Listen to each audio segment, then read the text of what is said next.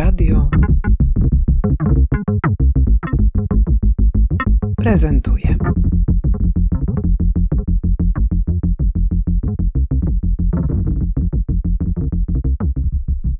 Cześć, nazywam się Piotrek Mlącki. Jestem chyba malarzem, ale zajmuję się szerzej pojętą sztuką i, i nauką w cudzysłowie. Paranauką. To jest bardzo istotne, bo spotykamy się dlatego do dni, bo spotykamy się w Muzeum Etnograficznym, gdzie otwierasz swoją wystawę dyplomową. Pod jakim ona jest tytułem?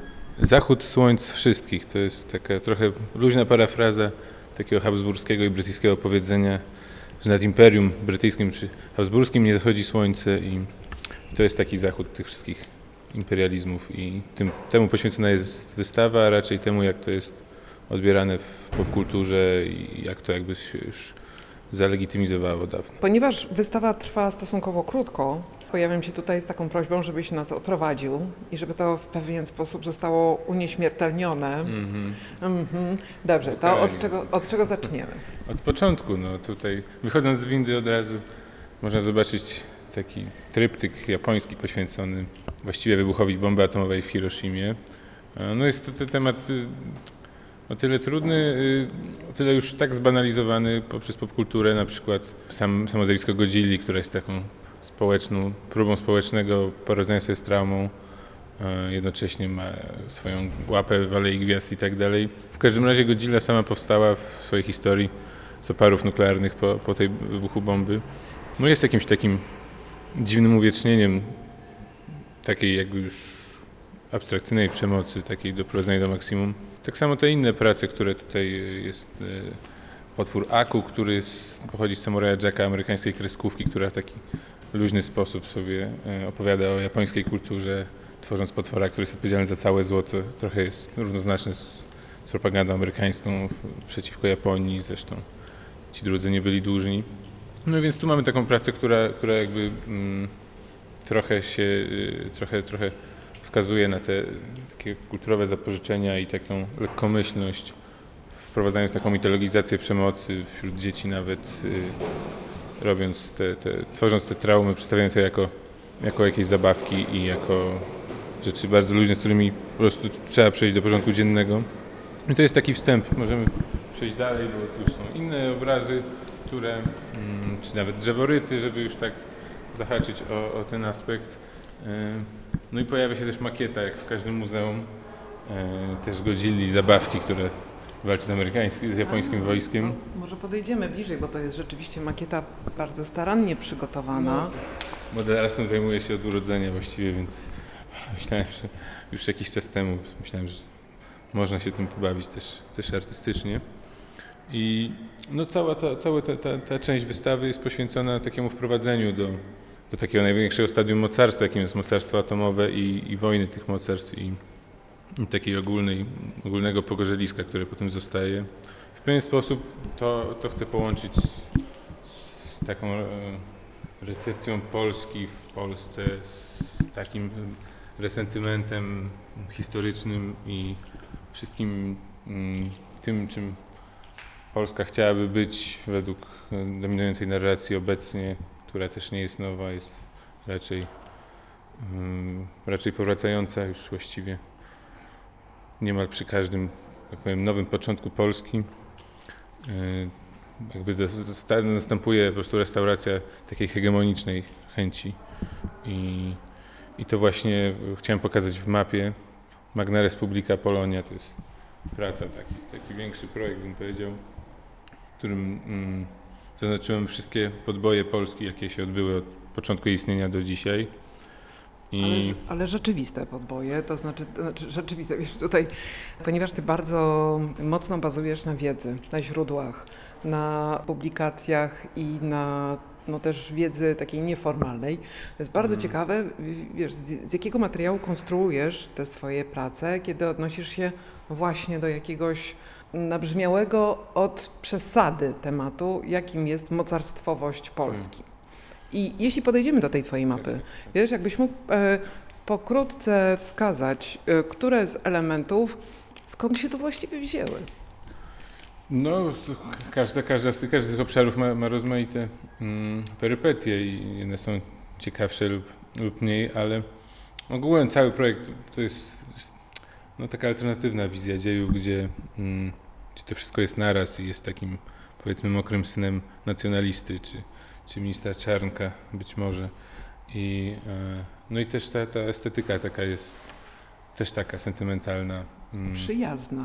no przyjazna, musi być przyjazna, żeby, żeby jakiś odbiór był lepszy, ale, ale jeśli wracając do Twojego pytania, no to no nie wiem, pierwszy przykład taki już chyba doskonale wszystkim znany, Madagaskar.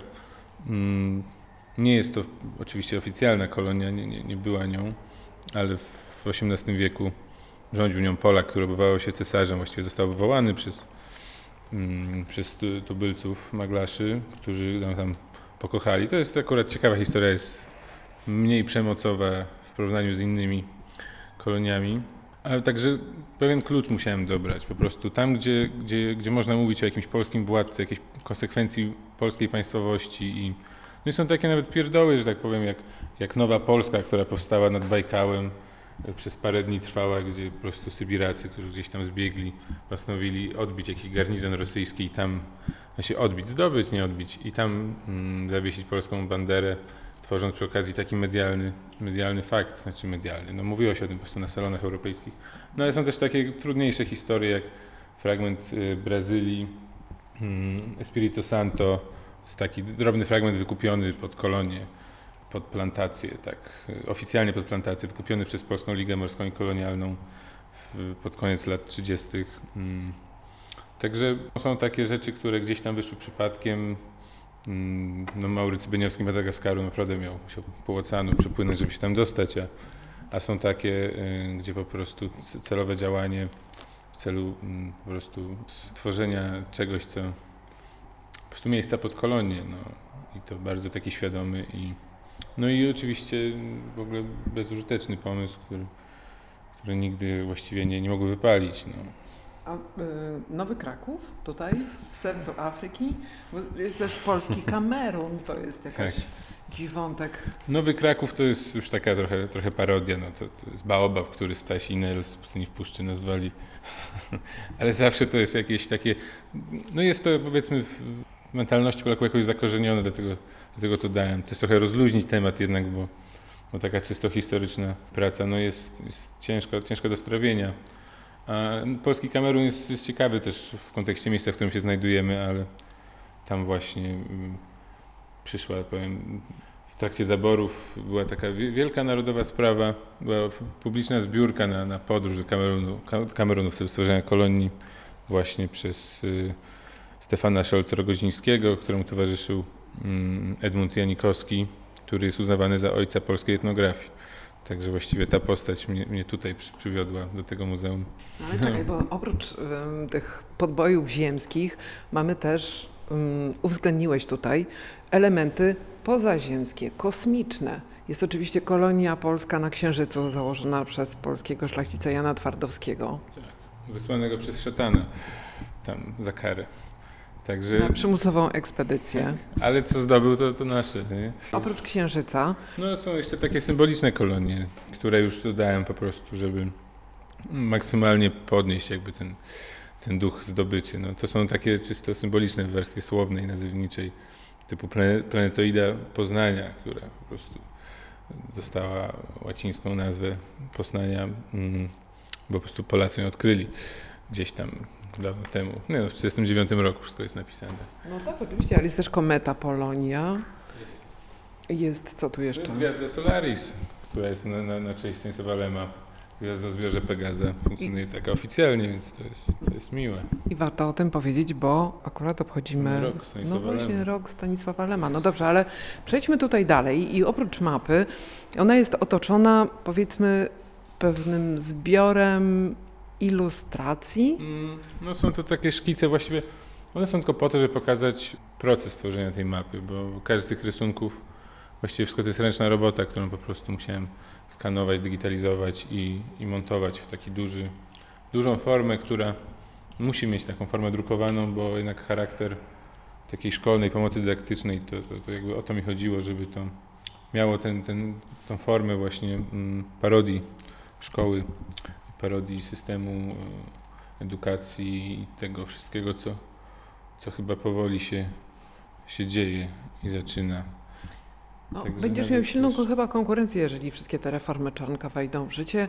To mapy, które będą służyły do edukacji w polskich szkołach, myślę, że mogą nawet ym, prześcigać No mogą, ten mogą. koncept, ale na pewno nie wykonanie. Dobrze, więc skupmy się, skupmy się na tych... Chciałem Sym- ubiec, chciałem ubiec po prostu, w, w, że tak powiem, w krytycznej wersji to zrobić. To jest symbol Iluminatów No masońskich. właśnie. I tutaj ta mapa ma nad swoją nazwą, nad tym napisem, który umieściłeś e, wraz z tytułem tej pracy, no, ma dwa symbole. Białego orła w koronie z nienormatywnymi nogami. Nie wiem, czy wiesz, że została wy, wydana dyspozycja przez ministra kultury, żeby e, nogi orła były znormalizowane. A ty masz takie nienormatywne. No bo to, to stary orzeł taki, wiesz, jeszcze z XVII wieku. Tutaj jest praca, która to podsumowuje wszystko. No. Czapa szlachecka i taki sentymentalny pejzaż folwarku z takimi krówkami dorzeźbionymi w ramach sztafarzu. No właściwie całe te kolonie można zamknąć raczej, jeśli chodzi o ich moralny i, i taki polityczny mm, bezsens, można je zamknąć w eksploatacji Ukrainy, co właściwie cały ten sen o egzotyce skończył się na po prostu grabieży Ukrainy i, i nieprzyjemnych reperkusji, które spotkały i Ukraińców, i nas. I, no i I z którymi dzisiaj musimy sobie dopiero zacząć no tak, radzić, no, stając jest- w prawdzie z faktami, które przez lata, a nawet wieki Tak. były przeinaczone. Tak, no prawda, bo bardzo głęboko no, siedzi. No, pamiętamy Wołyń i tak dalej, ale czasem warto się zastanowić. Mm, właściwie daleko, nie? co tam Polacy robili, nie? czemu tam mieszkali. No mieszkali od 300 lat, nie? ale jak to się stało nie? i tak dalej. No, wszystko jest, nie, jakby nie chcę wchodzić w takie tematy mm, mm, traumatyczne, ale, no, ale jakby nic, nic się nie dzieje, jakby już jakiś proces jest. No tutaj na tej wystawie są takie dwa obiekty, które wyraźnie przyciągają uwagę. W centralnym miejscu znajduje się korona. Tak podsumowując całą wystawę, jest dość, dość absurdalna. Bomba atomowa i, i, i kolonializm, mm, zwłaszcza polski. No. Więc ta praca jest czymś takim, co w jakąś klamrę, mm, klamrę to łączy. To jest replika korony Zygmunta Augusta, króla, którego panowanie i właściwie kres panowania rozpoczął, można powiedzieć, taki cichy początek końca państwa. Mm, Właściwie wtedy Polska była jedną, wtedy była prawie największa w swojej historii i brak testamentu, brak dziedzica, brak też y, jakiejś takiej przemyślanej bardziej polityki. Ta idea jagiellońska, która dzisiaj też jest restaurowana przez przykład y, Gowina i, i tak dalej, mm, czy Collegium Intermarium, które po, powstało jakiś czas temu z ramienia Ordo Juris. Cała ta, ta polityka mm, miała w sobie jakąś taką imperialną, mm, czy miała bez, bezapelacyjnie miała imperialny imperialny charakter i jednocześnie doprowadzając do takim, rzucając tą pierwszą kostkę domina nie? Do, do, do, do rozbiorów. To oczywiście jest taka pewna metafora, ale jeśli to prześledzić, myślę, że, że to tak, tak można to interpretować. I to jest to właśnie ta korona, którą, którą przy pomocy takiej mojej, mojej znajomej metaloplastyczki Ewy Bazan, którą bardzo pozdrawiam, e, pomogła mi ten projekt zrealizować. Po prostu już ja dokonałem inkrustacji w cudzysłowie, zamieniając kamienie szlachetne, które, które miał oryginalnie Zygmunt August na trinityt. To jest minerał, który powstał przy wybuchu pierwszej bomby atomowej na, na pustyni w, w bazie wojskowej w Nowym Meksyku w Stanach. To był taki teścik przed Hiroshimą, czy działa, tam parę, parę tam dni wcześniej. No i powstał trinityt, który jakby z geologicznego punktu widzenia jest takim dowodem nowej epoki w dziejach Ziemi, moim zdaniem schyłkowej.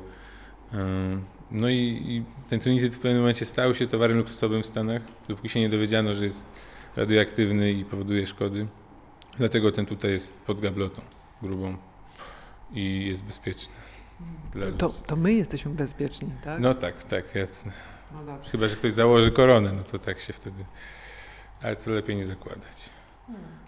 Ale no tak mniej więcej wyglądała, no tylko kamienie się różnią, ale to jest, jest, jest ten, że to łączy te, te dwie, dwa odległe tematy, okazując się, że, że właściwie nie są tak odległe.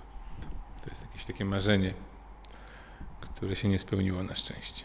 Ale to też ciekawe, wiesz, jakie decyzje podejmowałaby osoba, która by nosiła taką koronę z, z elementami, które ewidentnie Hmm. zaburzają mm, zdrowie. Mm. Może to, wiesz, w takim symbolicznym e, planie właśnie zrealizowałeś Hmm. mm, reprezentację tego, co obserwujemy w życiu politycznym Polski, wiesz, od zawsze. Że to jest prawdziwa korona Pols- polskiego no, władcy. Tak, to jest polski cierń, jest, jest, powoduje raka po prostu. Mamy tutaj jeszcze taką ścianę, powiedziałabym chyba wschodnią, i- jeśli liczyć od wejścia. I co tu się wydarzyło? Pewnie masz na myśli łódź, która stoi, wielka łódź chodząca z, ze wschodniej Afryki, mm, ponad stuletnia. E, otóż jak przyszedłem do tej przestrzeni pierwszy raz, łódź tu stała. Nie chciałem robić kłopotu pracownikom, ale też pomyślałem, że, mm, że, że dobrze, niech stoi. Poprosiłem, żeby ani o centymetr jej nie ruszono. No to długa łódź, no mas, nie wiem, z 5 metrów. Ciężko ją schować. Tak samo jak ciężko społeczeństwom chować różne zjawiska w swojej historii, ale robią to mimo wszystko. Także no, no nie zrobię tutaj White Cube'a. Mm, trzeba wiedzieć, gdzie jesteśmy. Ale co ta łódź tu robi? Nie wiem. W sensie, co robi w Polsce? Nie mam pojęcia. Trochę mnie to szokuje. No może nie szokuje, ale konsternuje z pewnością. I właściwie no, o tym jest cała wystawa. Właściwie to jest najważniejsza rzecz, że ta łódź tu stoi. Być może nie powinna. No, tak, takie mam wrażenie. Bo teraz to się przetacza przez tak naprawdę europejskie i nie tylko światowe muzea. Ten koncept jednak zwracania zbiorów krajom, krajom z których pochodzą. No, dobrze spojrzeć na, na Muzeum Brytyjskie Narodowe w Londynie przecież. Przykro mi tak, jak myślę sobie o Egipcjanach, których całe dziedzictwo kulturowe i narodowe jest, jest w ogóle na innym kontynencie. Mm, No, Polska na pewno nie można porównywać do tutaj takiego samobiczowania bym, bym nie robił, ale przez to, że Polska ma relatywnie mało tego, tego bagażu, mogłaby być naprawdę liderem europejskim w dekolonizacji takiej mm, kulturowej. Mm, No myślę, że, że, że to byłoby fajne, bo to nie jest, nie zaburzyłoby to naszego systemu ekonomicznego i takiego mm, ideologicznego. No. Natomiast no, są osoby, które domagają się zwrotu różnych e, przedmiotów do, do nas. Nie wiem, czy słyszałeś, ale... Pani Ogórek? Nie, pani Pawłowicz też. Ona się A. domaga od Szwedów. A, a pani No, Ogórek od kogo? Pani Ogórek zdaje się jakiegoś chyba polskiego mm, Bruegla znalazła w Wiedniu, w Kunsthistorisches chyba. No ale, no cóż, y, Ale to- polski Bruegel to jest też ciekawa figura. Bo, bo, bo polski to Matejko, a no właśnie. no właśnie i zaczyna się robić trudna sytuacja. E, Ja muszę powiedzieć, że mm, poznałam kiedyś osobę, która mi została przedstawiona jako niezwykle jakby interesująca postać, było to jeszcze w latach 80., ponieważ ta osoba właśnie zakradała się do takich mniej strzeżonych muzeum etnograficznych, wykradała stamtąd takie co Mhm. mniejsze przedmioty i odsyłała do znajomych w kraju ich Hmm. pochodzenia. Tylko do znajomych. y, No bo y, no, Aha, nie no mogło tak, to być zrobione rozumiem. mm, i ci znajomi tam już na miejscu musieli się zająć y, dostarczeniem tego do odpowiedniej placówki naukowo-badawczo-ekspozycyjnej. Także i ta osoba zresztą, nie mogę powiedzieć kto to, Mhm. nie mogę, ale y, no, mówię to dlatego, że już w latach 80. były takie początki partyzantki muzealnej, która oddolnie zajmowała się tymi sprawami. Słuchaj, mamy ostatnią część tak, tej ekspozycji, która znowu wydaje się być jakąś ciekawą, dodatkową narracją. W sensie właściwie wystawa dzieli się na, na takie trzy części i ta gablota jest poświęcona raczej takiemu europejskiemu dziedzictwu, które też, też, y, też nie jest obojętne dla nas. Mm. No tak na osi jest y, obraz, który, mm, na którym przedstawiony jest statek parowy, mm, który gdzieś tam wpływa, być może przez kanał Suezki, który to rodzice Stasia Iner tak y, ochoczo budowali z hebrajskim napisem Mesjasz, jednocześnie świadczącym o takim mm, chrześcijańskim, europejskim dziedzictwie tego mesjanizmu, tego y, niesienia światła y, ciemnym masom mm, gdzieś tam w Afryce czy, czy w Ameryce Południowej, tego takiego europejskiego przeświadczenia, mm, który dobrze bardzo pokazał Werner, Werner Herzog w Fitzgeraldo filmie, gdzieś tam ta białość jest nawet tam bardzo dosłownie potraktowana i myślę, że to jakoś, jakoś też wpływa, wpływa na, na, na ten obraz. No poza tym mamy takie, takie jakby podstawy teoretyczne. No tutaj mm, kontynuując jakby tą myśl główną oś wystawy, czyli taką bardzo kulturową i, e, i właśnie popkulturową mm, percepcję na, na, na te sprawy. Jest tu drzewo kauczukowe. No. Jedyne skojarzenia, jakie teraz są, no to, to piłeczki kauczukowe dla dzieci. Ta banalizacja jest, jest dosyć okrutna i już właściwie nie tyle postępująca, co, co wszechobecna. A jednak za ten kauczuk y, na początku XX wieku zginęło ponad 7 milionów ludzi w Kongo. I tutaj też jest jedna drobna rzecz, którą chciał pokazać, bo wydaje mi się, że niekiedy lepiej po prostu pokazać zwykłe, prawdziwe przedmioty codziennego użytku więcej powiedzą niż naj, najwięcej, naj, największa narracja artystyczna. No, to są dwie monety. Jedna pochodzi z Konga, druga z Konga belgijskiego, z protektoratu Konga. I ta z Belgii y, przedstawiony jest y, Leopold II Coburg, ten ludobójca, mm, król Belgów, w takim, takiej pozie antycznej, można powiedzieć. No jest takie po pierwsze klasyczne monety z profilu, a na tej z Konga belgijskiego y, Belgowie wyryli na nim słonia i oczywiście, że lepiej mieć słonia niż, niż ludobójcę na monecie, ale patrząc jakby z ich kontekstu, mm, widać jaką pogardą jednak, z jaką pogardą podchodzili do, do Kongijczyków, że w ich kulturze, w, ich społeczeństwie nie, nie znaleźli nic na tyle mm, ważnego czy szlachetnego, co można by, czy można by wybijać monety. Jest wizerunka, wizerunek słonia, czy jakby czegoś, co, co, co dla nich było właściwie jedynym ciekawą rzeczą i jakby no to trzeba jakby uwzględnić ten kontekst tamtej sytuacji. Teraz też dopiero odkrywana jest ta historia i publikowane są dokumenty i raporty dotyczące tego, co tak naprawdę się działo w Afryce w tamtych czasach. Znowu jest spory problem, wiesz, takim przyswojeniem tych informacji i po prostu przejściem nad nimi do porządku dziennego. Czy myślisz, że takie, wiesz, projekty jak twoje, które po prostu żywią się tego rodzaju wiedzą i informacjami, wiesz, przetwarzasz, tak, tę wiedzę, która dla wielu osób jest po prostu nieistniejąca. Czy myślisz, że to jest dobry język do tego, żeby rozmawiać o rzeczach bardzo, bardzo trudnych?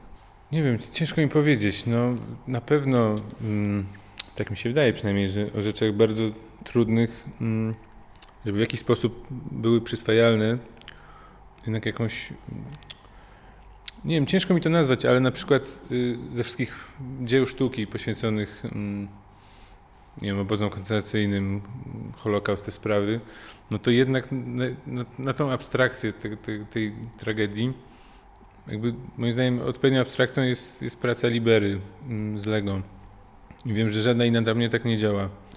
Ciężko jakby to, to zwerbalizować, ale myślę, że, że, że gdzieś tam mm, czasem to właśnie ta, ta, ten kontrast, taki dysonans między, między tą powagą a, a czymś takim, mm, takim niewinnym, mm, no jest jakby na tyle, na tyle srogi i silny, że, że, że wchodzi jakoś, więc więc myślę, że, że może taki język mm, pozornie błahy mm, mógłby być dobry, ale no, no, wydaje mi się, że też, też jakichś takich mocno radykalnych sytuacji może potrzeba więcej.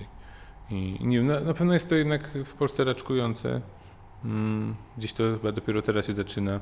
Myślę, że może to jakaś byłaby odpowiedź na, na Black Lives Matter, y, y, żeby jakąś tą, tą taką dekolonizacyjną myśl właśnie teraz wiem, że nie- niedługo w Muzeum Sztuki Nowoczesnej będzie panel o, o dekolonizacji w muzeach polskich i no i zobaczymy, to raczej, raczej jest przed nami. Piotrze, to jest twoja wystawa dyplomowa, kończysz y, Akademię Sztuk Pięknych. Tak. I co teraz? I co dalej? I co, do, do roboty y, jadę. No nic, no nie wiem co. Nie no, ale czekaj, jedziesz do pracy, jedziesz do pracy fizycznej, jedziesz do pracy fizycznej, tak jak wielu twoich znajomych i to jest model, który Mhm. polscy artyści i artystki młodego pokolenia zaakceptowali jako konieczny po to, żeby móc funkcjonować. I jedziesz no pewnie kilka tygodni albo nie, Mm. i będziesz mógł za to żyć przez kolejnych parę miesięcy pewnie. No ze dwa miesiące może. Ale też wiesz, no, nie żyję jakoś skromnie, więc, więc muszę jeździć. Ale nie, no, tak, no. No wiesz, no to jednak gdzieś tam od tego malarstwa odszedłem, może nie do końca, ale w znacznym stopniu i no, na pewno wiąże się to z mniejszą komercjalizacją i, i mniejszym potencjałem, ale nie mam z tym problemu, no. To, jestem z tym pogodzony. Nie, nie. No trudno. No. To ja życzę Ci samych sukcesów i tego, żebyś mógł najkrócej, e, jak najkrócej pracować e, za granicą, zarabiać jak najwięcej, po to, żebyś mógł jak najlepiej i efektywniej dla siebie pracować jako artysta tutaj. No, dziękuję bardzo. No, do emerytury będę żył, później już nie zamierzam, myślę, że w sensie, że, że jakby do, emerytury jakby nie ma i nie będzie, więc, więc, więc do roboty, no jasne. Dzięki. Dziękuję bardzo. Nad Imperium Polskim nie zachodzi słońce. No nie, nie, Chyba, Nie. chyba nie zachodzi. Nie, nie, nie, więc ta emerytura, wiesz, to, to po prostu... Do ziemi dać nura. No to jest jakiś plan. Dobra, słuchaj, ten, ta rozmowa idzie w złym kierunku. Musimy ją zakończyć. Dobrze, czyli co? Tylko brakuje Ci podpisu.